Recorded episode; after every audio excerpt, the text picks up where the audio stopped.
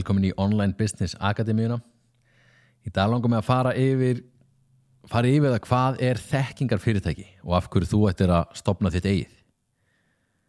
Þegar flestir hugsa um online business að þá sér fólk fyrir sér netverslun. Um, ég hef verið í online business frá, sko ég byrjaði að reyna við online business árið 2000 og aðeins frá 2008 til 2012 uh, og feilaði stórkostlega árið 2012 en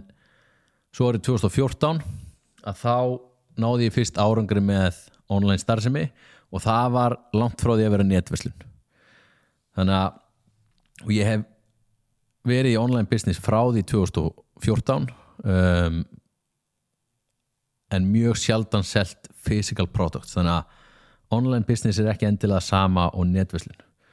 og í dag langar mig að fara yfir útfæslu af online business sem við köllum þekkingar fyrirtæki á segjum tíu árum þá hef ég til að mynda selt á netinu þjálfun, ráðgjöf, kursa og prógrumvarandi líkamsætt á næringu. Áskriftir af ímiðskonar membership síðum uh, hugarfarskursa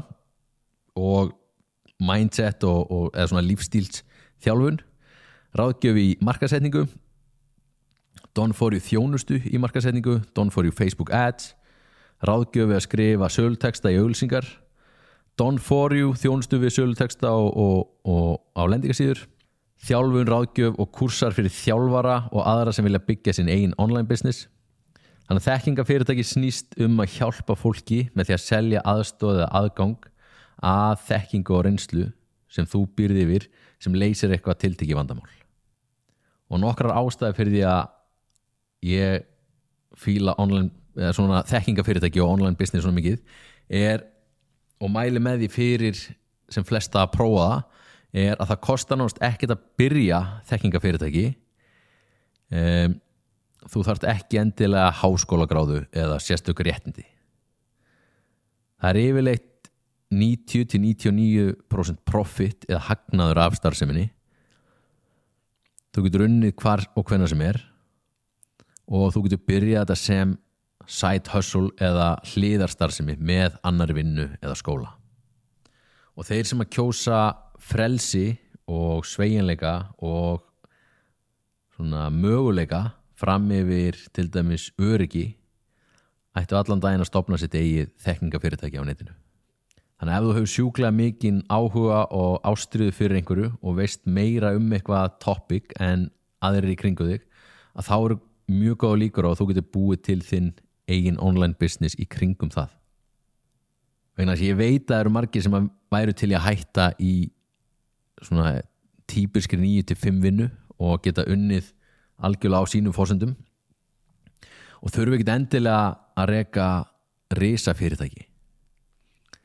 þá sumi væri bara til að skipta út núverandi tekjum fyrir svipaðar tekjur en hafa í, í leiðinu meira frelsi og meiri möguleika á að geta hækka tekjunar um,